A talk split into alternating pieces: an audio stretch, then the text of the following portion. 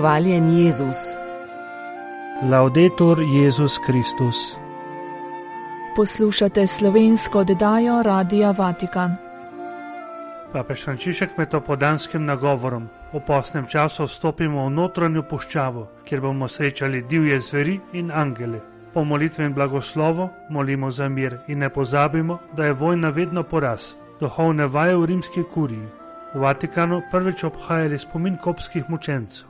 Prisluhnili bomo začetku postnega nagovorja monsignorja Stanislava Hočevarja, pa tudi nagovoru načkofa Stanislava Zoreta.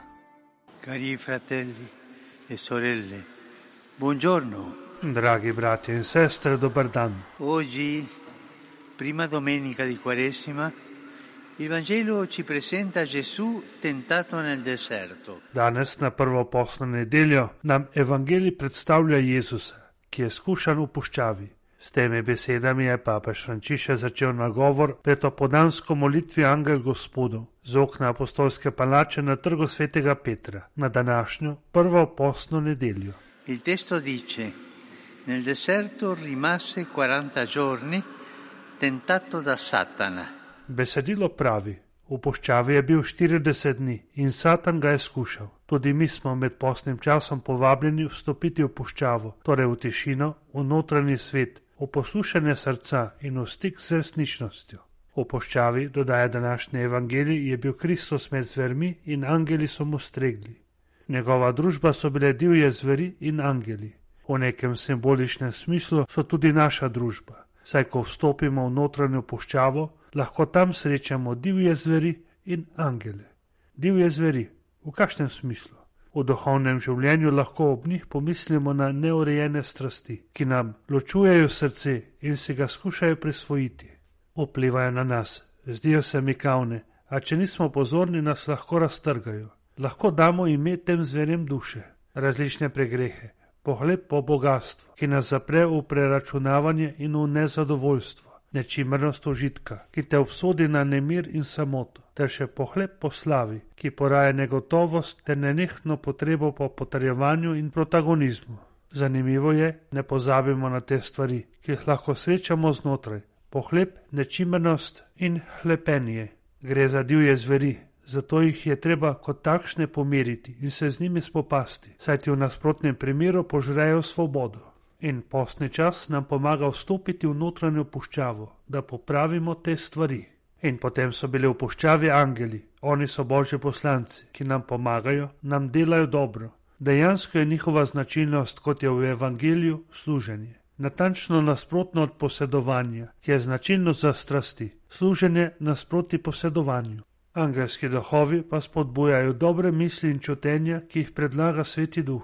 Medtem ko nas skušnjave trgajo, nas dobri božji navdihi združujejo in nam pomagajo vstopiti v harmonijo. Pomirjajo srce, širijo okus po Kristusu, širijo pri okus nebes. In da bi zaznali božji navdih in ga dobro razumeli, je potrebno vstopiti v tišino in molitev. In posni čas je zato, da to storimo. Pojdimo naprej.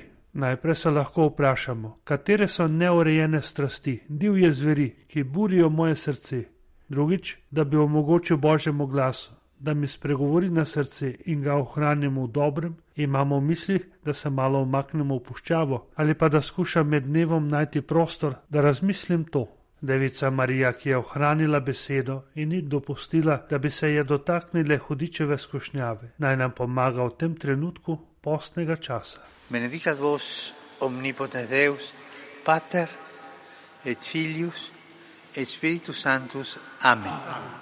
Papež Frančišek je po molitvi in blagoslovu povabil k molitvi, da bodo kmalo našli poti miru za izgradnjo prihodnosti dragega Sodana, za mir v provinci Cabo Delgado v Mozambiku in tudi v Palestini, Ukrajini in drugod po svetu. Cari fratelli e sorelle, Dragi bratje in sestre, sono passati ormai dieci mesi dallo scoppio del conflitto armato in Sudan, che ha provocato una gravissima situazione umanitaria. minilo je deset mesecev od izbruha oboroženega spopada v Sudanu, ki je povzročil zelo resne humanitarne razmere. Ponovno pozivam sprte strani, da ustavijo to vojno, ki dela toliko škode ljudem in prihodnosti države. Molimo, da se bodo kmalo našle poti miru za izgradnjo prihodnosti dragega Sudana.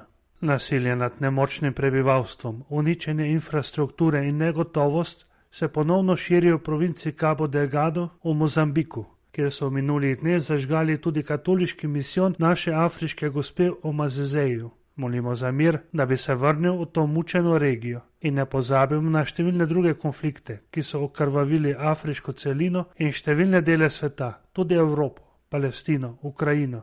Ne pozabimo, vojna je vedno poraz, vedno. Kjerkoli potekajo boji, je prebivalstvo izčrpano, otrujeno od vojne, ki je kot vedno nekoristna in nedokončna, ter bo prinesla samo smrt, samo uničenje in nikoli ne bo prinesla rešitve problema. Namesto tega molimo brez utrujenosti, kajti molitev je učinkovita in prosimo Gospoda za dar umov in src, ki so konkretno posvečena miru. Papež Frančišek je med pozivi in oznanili po molitvi Angel Gospodov še naznanil. Danes popovdne bomo skupaj s sodelavci kurje začeli z duhovnimi vajami. Vabim skupnosti in vernike, da v tem postnem času in v tem letu priprave na jubilej, ki je leto molitve, namenijo posebne trenutke za zbiranje v gospodovi navzočnosti. V baziliki svetega Petra je v četrtek 15. februarja prvič potekala ekumenska molitev ob spominu koptskih močencev, ki so jih leta 2015 pripadniki samooklicane islamske države ugrabili in obglavili na plaži v Libiji. Vsi so bili delavci migranti. 20 jih je bilo iz Egipta in so pripadali koptski pravoslavni cerkvi, eden pa je bil iz Gane. Na željo papeža Frančiška so bili koptski mučenci 11. maja lani upisani v rimski martirologiji. Isti dan je Tavadros II. aleksandrijski papež in vodja koptske pravoslavne cerkve svetemu očetu podaril njihove relikvije. Kot je dejal kardinal Kurt Koh, prefekt dikasterije za pospeševanje enosti med kristijani, ki je vodil bogoslužje, mučenci cerkve niso obroban pojav, ampak predstavljajo njeno temeljno jedro. Prav tako je spomnil, da je že papež Janez Pavel II. govoril o ekumenizmu mučencev, ko je v jubilejnem letu 2000 v Koloseju vodil pomenljivo slovesnost, na kateri so bili prisotni tudi predstavniki različnih krščanskih crkva in skupnosti. Po kardinalovih besedah je Janez Pavel II. v ekumenizmu mučencev že videl temeljno enotnost med nami kristijani in upal, da bodo mučenci pomagali krščanstvu ponovno doseči popolno občestvo. Svetim očetom so se v soboto srečali člani sklada za gradnjo, vzdrževanje in restauriranje bazilike Sagrada Familia v Barceloni.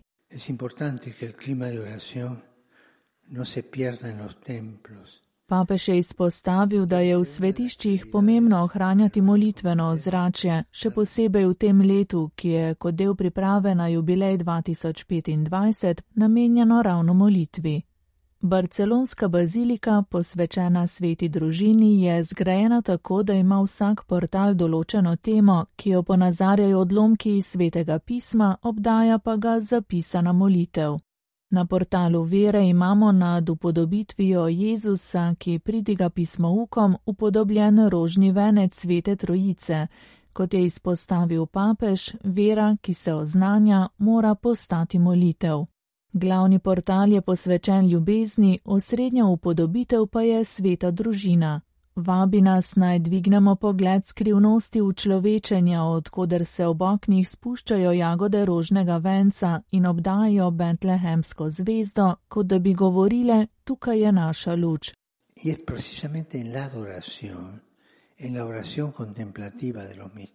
V adoraciji, v kontemplativni molitvi o skrivnostih se odpremo za luč, je dejal papež. Zbrane pri audienci je še povabil naj romarje, ki prihajajo v baziliko Sagrada Familia, sprejemajo z molitveno držo in jih usmerjajo k celostnemu premišljavanju ikonografskega načrta božjega služabnika Antonija Gaudija. Tiskovni urad svetega sedeža je 13. februarja sporočil, da bo papež Frančišek 28. aprila letos obiskal Benetke. Kot je v pogovoru za Vatikan News dejal tankajšnji patriarh Monsignor Francesco Moralja, gre za pomenljiv dogodek, ki mora spodbuditi pot vere in krščansko pričevanje prebivalcev tega mesta. Novica o obisku svetega očeta je bila objavljena le nekaj dni potem, ko so škofje severno-vzhodne Italije zaključili obiska Dlimina v Vatikanu. Papež Frančišek se bo v mesto kanalov odpravil slabih 13 let potem, ko je to gostilo njegovega predhodnika Benedikta XVI. Po besedah patriarha Moralja bosta rdečo nit obiska predstavljali karitativnost in kultura. Papež bo obiskal paviljon svetega sedeža na 60. mednarodnem umetnostnem bienalu, ki ga bo gostil ženski zapor na otoku Džudeka. Obiskovanje zapornikov je namreč eno od telesnih del usmiljanja. Poleg tega bodo v Benetkah pripravili dogodek, katerega protagonisti bodo mladi, vrhunec dneva pa bo sveta Maša. Monsignor Moralja je ob koncu dejal, da bo papežev obisk zelo pomenljiv. Milostni dogodek, ki mora ponovno spodbuditi pot vere in krščansko pričevanje v tem severnoitalijanskem mestu. Tamkajšnje prebivalce vabi naj se nam dobro duhovno pripravijo, tako osebno kot tudi skupnost. Svoje zadovoljstvo je prav tako izrazil beneški župan Luigi Bronjaro, ki je dejal, da bo 28. april zgodovinski dan za mesto in za celotno deželo. Po njegovih besedah prihod svetega očeta pričakujejo z veliko ganjenostjo in se mu že zdaj zahvaljujejo, da je Benetkam ponudil dar svoje molitve in besede. Prepričanje, da bo papežev obisk okrepil vero prebivalcev ter vrednote miru, svobode, demokracije in diplomacije mesta, ki je bilo skozi zgodovino poklicano k sprejemanju in dialogu med ljudmi različnih kultur, jezikov in verstev. Dodal je, da svetega očeta vsi pričakujejo z odprtimi rokami ter se mu iz srca zahvaljujejo, da jih bo obiskal. Predsednik dežele Benečija Luka Zaja je prav tako dejal, da bodo papežu z veseljem pripravili topov sprejem. Benetke imajo po njegovih besedah poseben simbolni pomen in povzemajo celotno zgodovino skupnosti z globokimi krščanskimi koreninami, za katero je odnegdaj značilna velika odprtost v svet. Papežev prihod je prav tako priložnost, da ponovno potrdimo tisto ves, ki se od svetega Marka nadaljuje prek osebnosti svetega Pija X, svetega Janeza 23. in blaženega Janeza Pavla I., je povdaril Dzaja. Upokojeni belgradski načkov monsignor Stanislav Hočevar je v nedeljo 18. februarja na prvo postno nedeljo darval v župnijski crkvi svetega Antona Padovanskega na Viču sveto Mašo s postnim govorom. Prisluhnemo začetku postnega govora monsignorja Stanislava Hočevarja. Čas se je dopolnil in Božje kraljestvo se je približalo. Spreobrnite se in verujte evangeliju. Ta stavek je mene prevzel, dragi prijatelji. Zato mi dovolite, da letos na to prvo postno nedeljo razmišljam sam skupaj z vami o času. Bratje in sestre, preiščite s pomočjo vseh modernih sredstev vse vire vedenja o času, pa boste ostali zelo razočarani. Prebrali boste tisto, kar že vsi sami veste, da je čas kratek, da hitro teče, da je čas denar. Moj duhovni oče Don Bosko bi rekel, da je čas, da so to duše. Potem sem vzel v roke še vse filozofske, pa tudi teološke leksikone in slovarje. In ostal sem dokaj nepotešen. Zelo malo sem zvedel o tem, kaj je smisel, pomen časa, v katerem živimo. Vsem ostane nekoliko v tolažbo tale trditev. Vprašanje časa, vprašanje prostora je najtežje tudi za sodobno fiziko. Pa smo tam, kot pravimo slovenci, pa smo tam, ko na neki način ne vemo, kako naprej. Predragi bratje in sestre, poskušajmo se popolnoma ozavedeti tegale. Živimo v času, pa ne vemo, kaj je to čas. Človeštvo pa ima toliko kronometrov, merilcev časa. Glejmo še, koliko rok naših in sosedovih so okrašene zelo dragocenimi urami. Skoraj da ljudje tekmujejo, kdo bo imel lepšo, bogatejšo uro. In vendar tudi s tem ne odkrijemo smisel časa. Mogoče se niti ne upamo odgovoriti na druga vprašanja. Kdo je komu gospodar? Je čas meni gospodar? ali sem jaz gospodar času, ali sem jaz gospod svoboden, ali sem postal sužen časa. Sami si bomo na to vprašanje odgovorili. In če ta hip še malo globlje razmislimo, lahko si postavimo celo vprašanje, kaj pa imam jaz osebno razen časa, kot v preteklosti pridrvijo neurja, nevihte, ogen, potresi in vse nam vzamejo. Ničesar in nihče pa nam ne more oduzeti časa. Samo čas, bratje in sestre, je zares moj. Celo, če sem zasuženjen, celo najbolj težki upravljavci družbenega življenja, ki so še tako samo svoji, mi ne morejo oduzeti časa. Seveda, dokler živim. V teh notranjih iskanjih pa se mi zastavlja še eno vprašanje. Zakaj katoliška crkva še posebej tako govori o pomembnosti postnega časa? Če smo danes slišali, da se je čas dopolnil, kaj meni to konkretno pomeni? Ta postni čas, kaj mi bo prinesel? Slišali smo večkrat in to vemo na pamet. Zdaj je čas milosti zdaj je čas odrešenja. Pa vendarle, kaj mi to pomeni? Kot rečeno, bratje in sestre, sem začel tudi sam o tem več razmišljati in za vas vse še bolj iskreno moliti. In prepričan sem, da je temeljnega pomena za mene kot človeka, kot živo in razumno bitje, da sam sebi odgovorim kaj je čas za mene? To edino bogatstvo, smo rekli, ki ga zares posedujem in sam lahko s časom razpolagam, ga lahko uporabljam. Vemo predobro, dragi bratje in sestre, da tako sijajno urejen svet, celoten kozmos z vsemi galaksijami, v kateri živimo, ni mogel kar tako sam iz sebe izskočiti iz nekakšne kletke prostora in časa, kaj ti tedaj še časa ni bilo. Poskušajmo torej razumeti crkv, ki nas vabi, da bi ta čas dobro uporabili.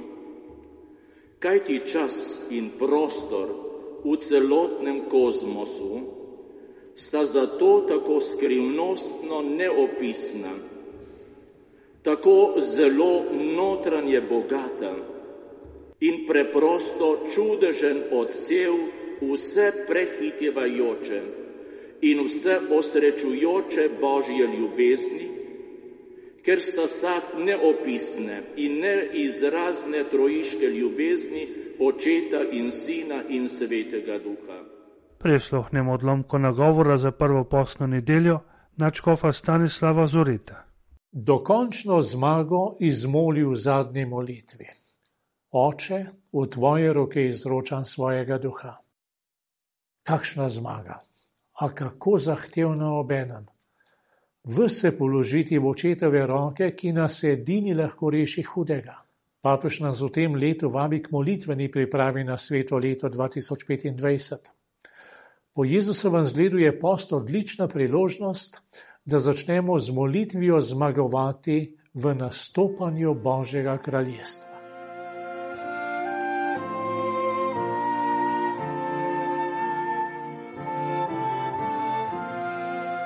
Poslušali ste slovensko oddajo Radia Vatikan.